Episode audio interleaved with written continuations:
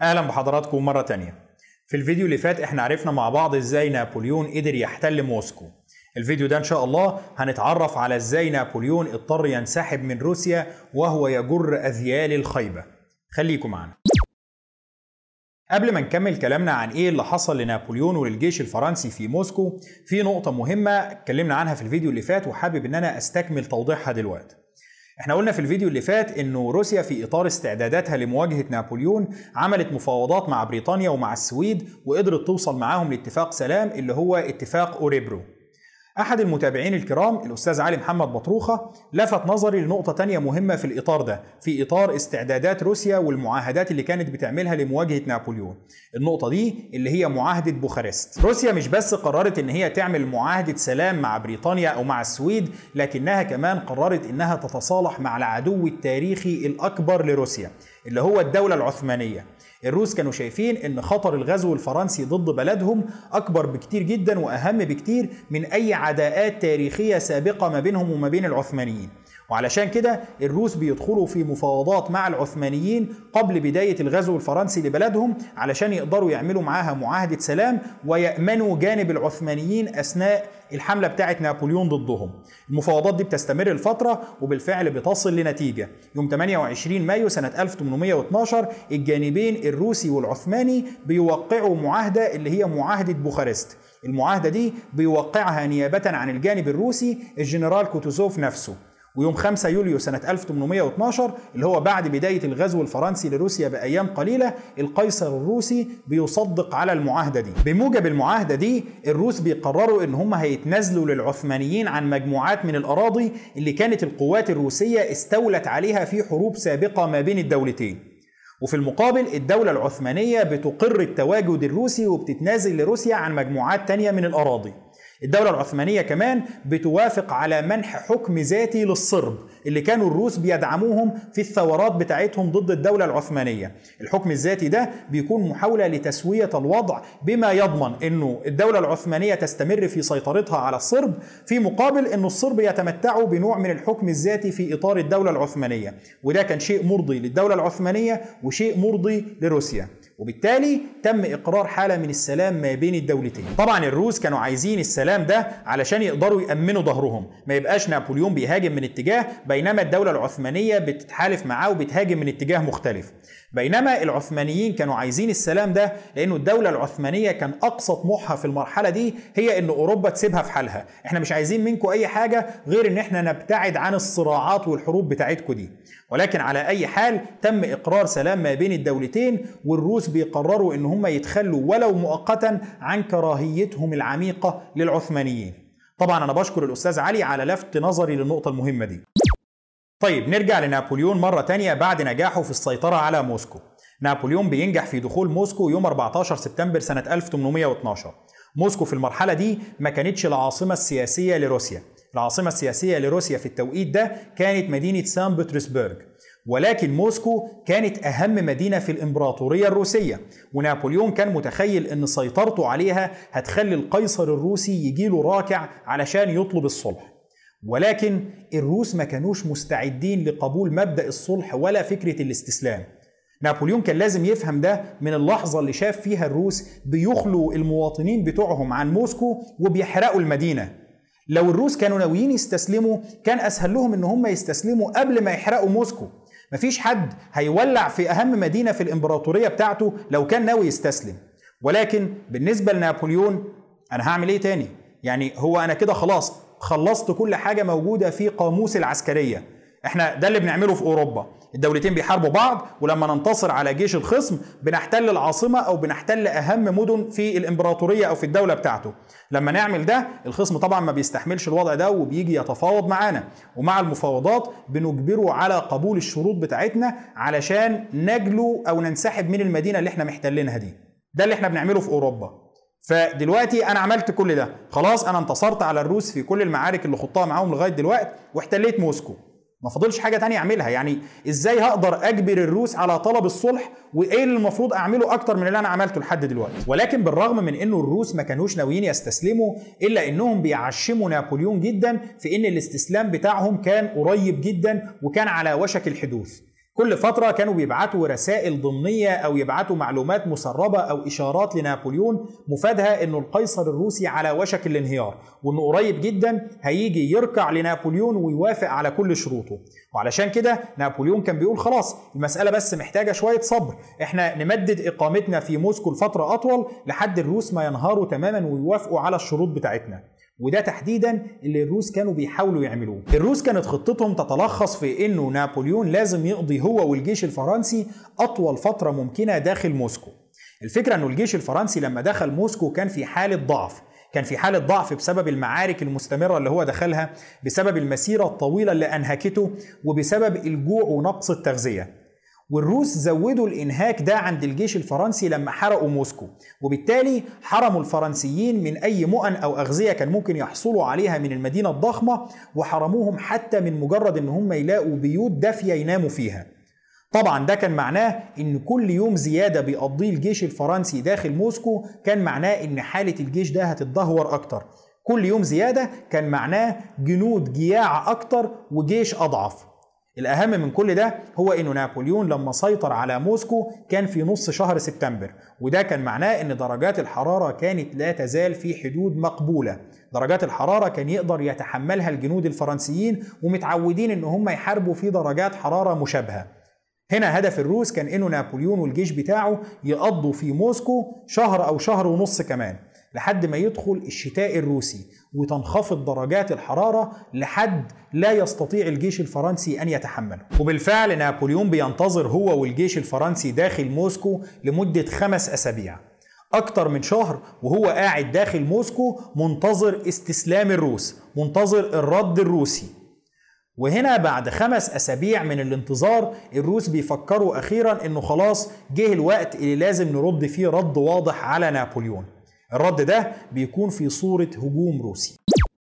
بعد سيطرة نابليون على موسكو بيفضل نابليون والقسم الأكبر من الجيش الفرنسي داخل موسكو. لكنه بيبعت يواكيم مورا على رأس فرقة تعدادها حوالي 20 ألف جندي من الجيش الفرنسي علشان يطاردوا القوات الروسية اللي كانت انسحبت بعد معركة بورودينو. مورا بيطارد الروس لفترة وبعد كده بيقدر يقترب من الجيش الروسي. بعد اقترابه منهم بينصب معسكر للقوات بتاعته بالقرب من منطقة اسمها منطقة تاروتينو. بينصب معسكر القوات الفرنسية هناك بحيث يكونوا هم مقدمة الجيش الفرنسي ويكونوا قريبين من معسكرات القوات الروسية علشان يقدر يتدخل وقت الحاجة. يوم 18 أكتوبر سنة 1812 اللي هو بعد شهر وكام يوم من دخول القوات الفرنسية لموسكو القوات الروسية بتقرر إن هي تهاجم مقدمة الجيش الفرنسي اللي هم العشرين ألف جندي اللي على رأسهم يواكيم مورا. الخطة الروسية بتتلخص في إنه الروس بيقرروا يهاجموا الفرنسيين من خلال التسلل من غابة قريبة من معسكر القوات الفرنسية بالليل بحيث إن هم يقدروا يفاجئوا الفرنسيين وهم مش مستعدين يقدروا يحاصروهم ويضربوهم بمنتهى القوة قبل الفرنسيين ما يستعدوا للقتال. الحقيقة أن الخطة الروسية كانت خطة محكمة ولو اتنفذت صح ده غالبا كان هيبقى معناه فناء العشرين ألف جندي دول ومقتل يواكيم مورا معاهم أو أسرهم. ولكن اللي حصل أنه كان في بعض المشاكل في تنفيذ الخطة مع ظلام الليل ومع الغابة اللي هم كانوا بيتسللوا منها قسم كبير من القوات الروسية أو القسم الأكبر من القوات الروسية ما بيقدرش يوصل لمكان المعسكر في التوقيت المظبوط. بيوصل بس قسم كبير من فرسان القوزاق أو جنود القوزاق اللي كانوا تابعين لروسيا. الجنود دول كانوا مشهورين بشراستهم في القتال. بمجرد ما بيوصلوا لمعسكرات القوات الفرنسية بيبدأوا في إطلاق النار بمنتهى الكثافة على الفرنسيين. طبعا الفرنسيين ما كانوش مستعدين للقتال ابدا في المرحلة دي وعلشان كده بيؤخذوا على حين غرة. القوات الروسية بالفعل بتقدر توقع في صفوف الفرنسيين خسائر فادحة. ولكن أعداد القوات الروسية اللي كانت بتهاجم في المرحلة دي ما كانتش ضخمة. وعلشان كده بالرغم من الخسائر الضخمة اللي وقعت في صفوف الفرنسيين إلا إن الفرنسيين بدأوا يستجمعوا قواهم مرة تانية وبدأ يواكيم مورا يعيد تنظيم القوات الفرنسية علشان تصد الهجوم ده وتقدر تتصدى للروس. ومع استمرار الفرنسيين في تنظيم صفوفهم بيلاقوا المفاجأة وهي وصول باقي القوات الروسية. باقي القوات الروسية بتوصل في المرحلة دي والفرنسيين خلاص بيستعدوا. ولكن بيكون الفرنسيين خلاص فاقوا من الصدمة. خلاص الروس مش هيقدروا يطوقوهم بشكل كامل زي ما كانوا عايزين. اللي بيحصل هنا إن يواكيم مورا بيتصدى للقوات الروسية المهاجمة ولكنه بيعرف إن المعركة اللي هو فيها دي معركة خاسرة. لو استمرت الروس هينجحوا فعلا في تطويق القوات بتاعته وهيتم إفنائها. وعلشان كده التصرف العسكري السليم الوحيد في الحالة دي كان إنه مورا ينسحب بالقوات بتاعته وده اللي بيحصل فعلا. القوات الفرنسية بتضطر إن هي تنسحب في معركة تاروتينو بعد تلقيها خسائر فادحة أمام الروس. تقريبا بيموت في المعركة دي أكتر من 3000 جندي فرنسي. الفرنسيين بينسحبوا بالقوات بتاعتهم في اتجاه موسكو وده بيكون جرس إنذار ورسالة واضحة جدا لنابليون. الروس هاجموا الفرنسيين وقدروا يحققوا انتصار واضح عليهم. وما هاجموش أي شق في الجيش الفرنسي. دول هاجموا قسم من الجيش الفرنسي بقيادة يواكيم مورا اللي هو كان يكاد يكون تاني أفضل قائد في الجيش الفرنسي بعد نابليون نفسه.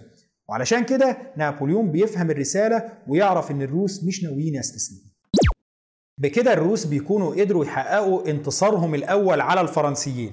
انتصار واضح اضطر الفرنسيين ان هم يتراجعوا متلوهم فيه عدد كبير من الجنود. ومش بس كده الروس بينجحوا في أسر 2000 جندي فرنسي في المعركة دي وبيجبروا الفرنسيين على التخلي عن أغلب المدافع الثقيلة اللي كانت معاهم. لأنه طبعا الفرنسيين كانوا عايزين ينسحبوا انسحاب سريع فما كانش فيه وقت إن هم ياخدوا معاهم المدافع والمؤن بتاعتهم دي. ده بيكون انتصار معنوي ضخم جدا للروس. لكنه بيثبت لنابليون أن فرصته في الدفاع عن موسكو في قلب الشتاء فرصة شبه معدومة. الروس الجيش بتاعهم ما زال قوي وفعال وقادر على الهجوم وتحقيق انتصارات. أنا لو استنيت في موسكو بالوضع اللي أنا فيه ده الروس هيحاصروني. مش هلاقي مخرج من موسكو في قلب الشتاء ومش هلاقي أكل ومش هلاقي طريقة أنقذ بيها الجيش بتاعي ده من الفناء. وعلشان كده نابليون بيقرر أخيرا إن هو هينسحب من موسكو علشان يقدر ينقذ الجيش بتاعه ده نابليون يوم 19 أكتوبر سنة 1812 بعد يوم واحد بس من هزيمة الجيش الفرنسي في معركة تاروتينو بيقرر إن هو ينسحب من موسكو ويتراجع بالقوات الفرنسية. نابليون بيلاقي إنه مع انخفاض درجات الحرارة المتوقع واللي بيقترب بشدة ما عادش فيه أي مجال للمعارك العسكرية أو للقتال. الحل الوحيد هنا هو ان أنا لازم أستقر بالجيش بتاعي في مكان مؤمن جيدا وفيه إمدادات. وعلشان كده نابليون بيقرر إن هو ينسحب بالجيش بتاعه. كفاية حملات عسكرية دلوقتي. الحمله العسكرية دي نبقى نكملها الصيف الجاي بقى إن شاء الله. ولكن دلوقتي المهم هو إنه الجيش الفرنسي يحتمي بمكان فيه مؤن وفيه إمدادات ويقدر يعيش فيه خلال فترة الشتاء. طيب نابليون هيروح فين بالجيش بتاعه ده؟ هل هيرجع لفرنسا ولا هيروح فين بالظبط؟ نابليون بيقرر إن هو هيتوجه بالجيش بتاعه ده لأقرب مركز إمداد وتموين رئيسي للجيش الفرنسي.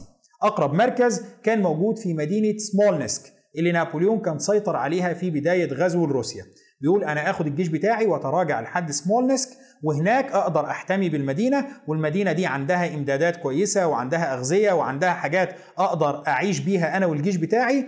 وقت الجد نقدر نبعت كمان نجيب من خطوط إمداد أبعد شوية. بس سمولنسك ممكن تكون محطة كويسة للجيش الفرنسي في المرحلة دي. ولكن المشكلة هنا هي إنه سمولنسك كان بينها وبين المكان اللي هو موجود فيه أكتر من 400 كيلو. ال 400 كيلو دول عبارة عن طريق من الخراب. الخط ده كله هو الخط اللي الجيش الفرنسي مر بيه أثناء غزوه لروسيا. هو ده الطريق اللي مر بيه لحد موسكو. لو هنرجع من الطريق ده فالطريق ده مفيش فيه غير مدن محروقة أو منهوبة. الطريق ده كله يا الروس حرقوه يا الفرنسيين نهبوا كل المؤن والأغذية والإمدادات اللي موجودة فيه. وبالتالي نابليون كان المفترض إن هو هيتراجع مسافة أكتر من 400 كيلو في طريق ما فيهوش مدينة تقدر تديله حبة واحدة من القمح. وده بالنسبة له كان نوع من الانتحار. نابليون كان لازم يلاقي حل بديل. نابليون هنا بيفكر إن هو يرجع لسمولنسك ولكن من خلال طريق آخر. يعني إحنا مش هنرجع من خلال المسار اللي إحنا جينا منه. إحنا المسار اللي جينا منه دلوقتي متدمر كله. فعلشان كده إحنا ممكن نتراجع من خلال طريق مختلف. الطريق ده كان طريق إلى الجنوب من المسار اللي نابليون مر منه وكان بيمر بمدينة اسمها مدينة كالوجا. نابليون بيقول إن ده المسار الأفضل واللي مفيش جيوش مرت بيه ولا دمرته قبل كده. وبالتالي أنا أقدر أمشي من خلال الطريق ده وأمر بالمدن الموجودة فيه ومن كل مدينة من دي أقدر أحصل على المؤن وعلى الأغذية والإمدادات اللي أنا محتاجها لحد ما أوصل بالجيش بتاعي لحد سمولنسك وبيبدأ بالفعل نابليون تحركه في اتجاه كالوجا. ولكن مع بداية تحرك نابليون بيلاقي الجيش الروسي والجنرال كوتوزوف مستنيينه. لا يا حبيبي مفيش حد هيعدي من هنا. عايز تعدي؟ ارجع عدي من الطريق اللي انت جيت منه. لكن هنا إحنا منتظرين ومفيش جندي فرنسي هيمر. نابليون بيتقدم من موسكو ومعاه جيش تعداده أكتر من مئة ألف جندي. بيتقدم في اتجاه مدينة كالوجا اللي موجودة في الجنوب من موسكو علشان يتقدم بعد كده في اتجاه سمولنسك ولكن من طريق مفيش أي جيوش مرت عليه قبل كده بحيث يقدر يلاقي هناك مؤن. ولكن مع بداية تقدمه في الطريق ده بيلاقي قوات من الجيش الروسي موجودة عند منطقة اسمها مالو ياروسلافيتس القوات دي بتكون بقيادة واحد اسمه دكتوروف دكتوروف بيكون موجود في المنطقة دي ومعاه 24 ألف جندي روسي. وبيقرر مع وصول طلائع القوات الفرنسية إن هو يبدأ يهاجمها. بيهاجم فرقة من الجيش الفرنسي تعدادها تقريبا برضه 24 ألف جندي. وبالتالي بيكون في تكافؤ ما بين القوات الفرنسية والقوات الروسية في العدد في المعركة دي. القوات الفرنسية بيكون هدفها واضح. إحنا عايزين نشق لنفسنا طريق علشان نقدر نتقدم في اتجاه كالوجا. بينما القوات الروسية بيكون هدفها بسيط جدا. إحنا مش هنسمح بمرور جندي فرنسي من هنا. مع تكافؤ القوة العسكرية والأعداد ما بين الجيشين في المعركة دي بتدور معركة في منتهى الشراسة ما بين الفريقين. المدينة بيتم تبادلها ما بين الفريقين حوالي 8 مرات. الروس يسيطروا على المدينة بعد كده الفرنسيين يطردوهم. وبعد كده الروس يرجعوا يطردوهم منها. فيرجع الفرنسيين يطردوهم تاني. وهكذا. 8 مرات. خلال الثمان حملات أو الثمان عمليات هجوم اللي بتحصل دي بيموت من كل فريق من الفريقين حوالي 8000 جندي. في 8000 جندي فرنسي بيتقتلوا في مقابل 8000 جندي روسي. بتكون مذبحة كبرى بالنسبة للجيشين. هنا كوتوزوف بيوصل علشان يشوف المعركة دي وأول ما بيلاقي الخسائر الضخمة دي في صفوف الجيش الروسي بيقرر إن هو ينسحب بقواته خطوة بسيطة. خلاص وقف المعركة سيب المدينة دي للفرنسيين وخلينا نتراجع وننصب لهم كمين تاني. إحنا مش هنسيب لهم الطريق الفرنسيين لن يتقدموا. ولكن كفاية كده النهاردة خلينا نجمع قواتنا وننصب لهم الكمين ده في مكان تاني على الطريق. أول نابليون ما بيوصل ويشوف المذبحة اللي حصلت في أرض المعركة دي بيبدأ يفهم أبعاد المشكلة اللي هو محطوط فيها. أيوة القوات الفرنسية ممكن تتقدم. وممكن تنتصر في بعض المعارك وتجبر الروس على التراجع. ولكن في النهاية لو استمرت المعارك بنفس الشكل ده نابليون هيخسر الحرب. هيكسب معارك لكنه في النهاية هيخسر الحرب. لأنه في كل معركة لو اتقتل له كام ألف جندي في النهاية الجيش بتاعه ده هينهار. الروس حتى لو اتقتل لهم آلاف الجنود فهم داخل أرضهم يقدروا يعوضوا الجنود دول. والروس الجيش بتاعهم بيتلقى إمدادات ضخمة من كل مكان. ولكن الجيش الفرنسي كان جيش بيحارب في أرض غريبة والجندي اللي بيموت منه مش هيقدر يعوضه إلا لو رجع فرنسا ولكن طول ما هو في قلب الأراضي الروسية مش هيقدر يعوض الجنود اللي بيموتوا دول. وعلشان كده نابليون بيلاقي إن التقدم في اتجاه كالوجا شبه مستحيل. كل خطوة هتقدمها هيموت لي آلاف الجنود لحد ما الجيش بتاعي يفنى. نابليون بيلاقي إنه هنا مفيش قدامه إلا التراجع. طيب هيتراجع فين؟ هيتراجع من نفس الطريق المخرب اللي هو جه منه. نابليون بيلاقي إن بينه وبين سمولنسك أكتر شوية من 400 كيلو ولكن بيقول مش مشكلة إحنا الجيش العظيم ودول 400 كيلو إحنا نقدر نعملها. أي نعم 400 كيلو في العراء بدون أي إمدادات بدون أي مدن نقدر نحتمي بيها بدون أي أغذية ولكن مش مشكلة. إحنا الجيش العظيم وهنقدر نعمل المعجزة دي. إيه يعني 400 كيلو في العراء؟ إحنا نعمل أكتر من كده كمان. مع تطبيق القرار الجيش الفرنسي بيلاقي نفسه في وضع صعب جدا. بيلاقي نفسه ماشي في طريق قاحل. زي الصحراء. مفيش فيه أي إمدادات أو مؤن أو أغذية أو أي حاجة يقدروا يحصلوا عليها ويتزودوا بيها. ومع انخفاض درجات الحرارة الوضع بيبقى أسوأ. ومع نقص الغذاء الشديد الجنود الفرنسيين بيضطروا يدخلوا في مفاضلة. هل نأكل الحصنة ولا ناكل الحصنة؟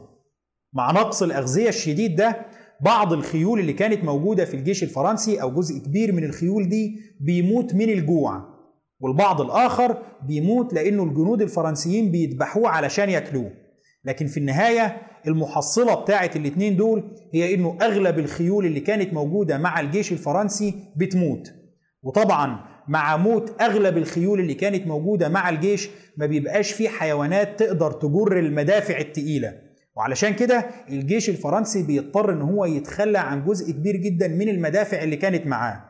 الجيش الفرنسي بيفقد سلاح الفرسان بتاعه لأنه ما بقاش فيه خيول علشان تحمل الفرسان دول. أغلبهم خلاص بيضطر إن هو يمشي على رجله وبيفقد سلاح المدفعية بتاعه أو بيفقد القسم الأكبر من سلاح الفرسان ومن سلاح المدفعية. الجيش الفرنسي اللي دخل روسيا معاه أكتر من 200 ألف حصان مدرب على أعمال القتال. أكتر من 200 ألف حصان قوي ومدرب بيفقد أغلب الجياد دي. الجيش الفرنسي اللي دخل روسيا معاه أكتر من ألف مدفع بيفقد أغلب المدفعية بتاعته وبيتحول بشكل تدريجي إلى جيش من المشاة وبيفقد أغلب المدافع وأغلب سلاح المدفعية بتاعه.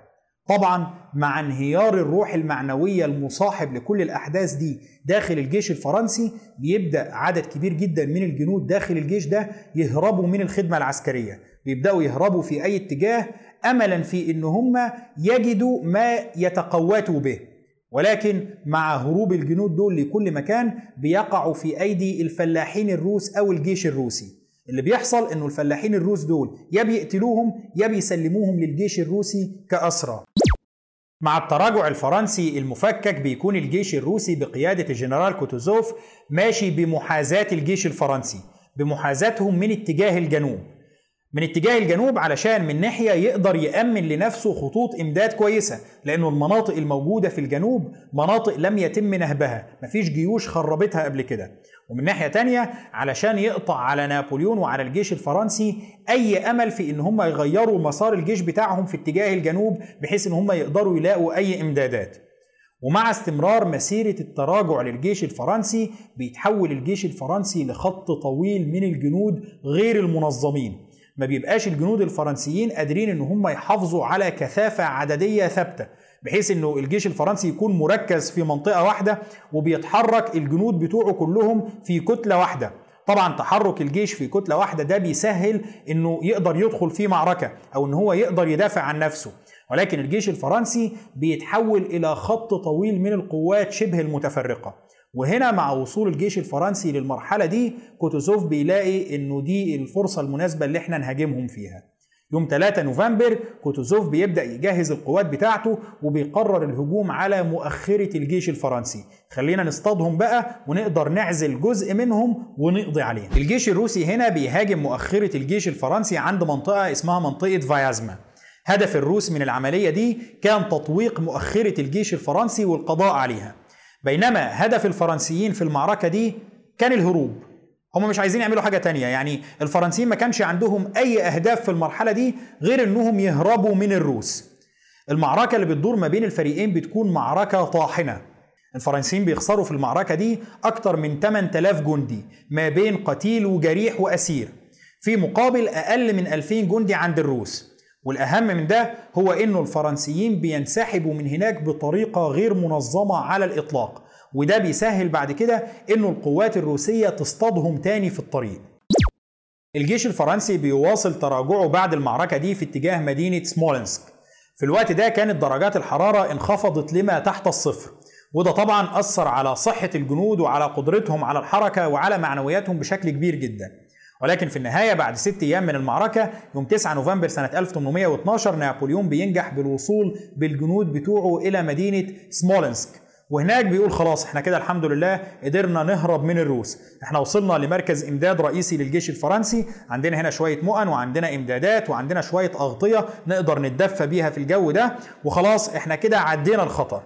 ولكن بالرغم من كده نابليون بيلاقي إن موقعه في سمولنسك مش أفضل موقع ممكن يحتمي بيه. خلاص يعني برضو المدينة دي ما زالت في متناول الروس وفي نفس الوقت الجيش بتاعه كان منهك وغير قادر على القتال بأي شكل. وعلشان كده بيشوف إنه إحنا المفترض ننسحب أكتر كمان. يعني إحنا خلاص وصلنا لهنا هنلاقي حاجات ناكلها وهنلاقي شوية إمدادات تكفينا في الطريق. خلينا بقى ناخد القوات بتاعتنا دي وننسحب لمركز إمداد أكبر موجود في منسك ولكن خطأ نابليون هنا كان إنه متخيل إن الروس مش هيطردوه بعد سمولنسك. نابليون قال كده خلاص أنا هربت بعيدا عن اليد الطويلة للروس. الروس عمرهم ما هيبدأوا يطاردوني بعد سمولنسك كمان. وعلشان كده بيبدأ يستريح في سمولنسك لمدة أربع أيام وبعدها بيقرر إن هو يبعت القوات بتاعته في الطريق إلى منسك ولكنه لما بيحرك القوات الفرنسية بيحركها وهو مطمن. وعلشان كده ما بيبعتهاش في تشكيل قتالي موحد ما بيبعتش كل الجيش الفرنسي في تشكيل قتالي جاهز للمعركة وإنما بيحرك القوات الفرنسية على دفعات. كل يوم بيبعت دفعة على مدار أربع أيام. في الفترة من 13 ل 17 نوفمبر كل يوم بيخرج قسم من القوات الفرنسية في طريقه إلى مينسك. ولكن مع تحرك القوات الفرنسية واقترابها من منطقة اسمها منطقة كراسنوي بيلاقوا كوتوزوف قاعد هو والجيش الروسي في انتظارهم. الروس بيهاجموا الفرنسيين في مناوشات متقطعة على مدى عدة أيام. وبيكون واضح في المناوشات دي كلها إن الروس بقى عندهم تفوق كاسح على القوات الفرنسية وإن الموضوع ماشي في اتجاه مذبحة كاملة للفرنسيين. أهم لقطة بتحصل في المناوشات أو في المعارك اللي بتدور في كراسنوي بتحصل يوم 17 نوفمبر سنة 1812 يوم 17 نوفمبر نابليون بيدرك إنه خلاص الجيش الروسي قادر على اجتياح الجيش الفرنسي وإنه بيتم التخطيط بالفعل لمعركة شاملة يتم القضاء فيها على القوة الفرنسية بالكامل. هنا نابليون بيؤمر قوات الحرس الإمبراطوري اللي هي كانت القوات المصاحبة لنابليون شخصيا واللي كانت تعتبر قوات النخبة في الجيش الفرنسي بالاستعداد للمعركة. بيأمرهم بالاستعداد للمعركة وبيقرر إن هو هيخرج بنفسه على رأس القوات دي للقتال. نابليون بيقول هنا إنه لعب دور الإمبراطور بما فيه الكفاية وانه ده الوقت اللي يعود فيه للعب دور الجنرال مرة تانية. الغريب هنا إن ظهور نابليون فعلا بيعمل فرق. وكوتوزوف بعد ما كان بيجهز لهجوم شامل على القوات الفرنسية بيتراجع عن الفكرة دي وبيقرر إن هو هيكتفي بالمناوشات. طبعا المناوشات دي ما كانتش حاجة بسيطة. المناوشات دي بيتقتل فيها أكتر من 10000 جندي فرنسي وبيتم أسر أكتر من 20000 جندي فرنسي فيها. ولكن في نهاية المناوشات دي مع إلغاء فكرة الهجوم الشامل نابليون بيكون قادر على استكمال انسحابه بالقلة القليلة المتبقية من جيشه. قرار كوتوزوف بإلغاء فكرة الهجوم الشامل كان قرار مثير للدهشة.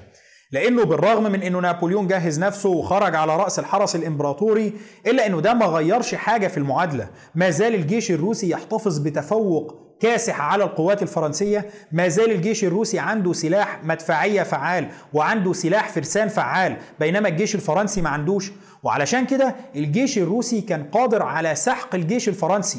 نابليون موجود أو مش موجود مش هتفرق. الحرس الإمبراطوري هيتدخل ولا لأ؟ مش هتفرق.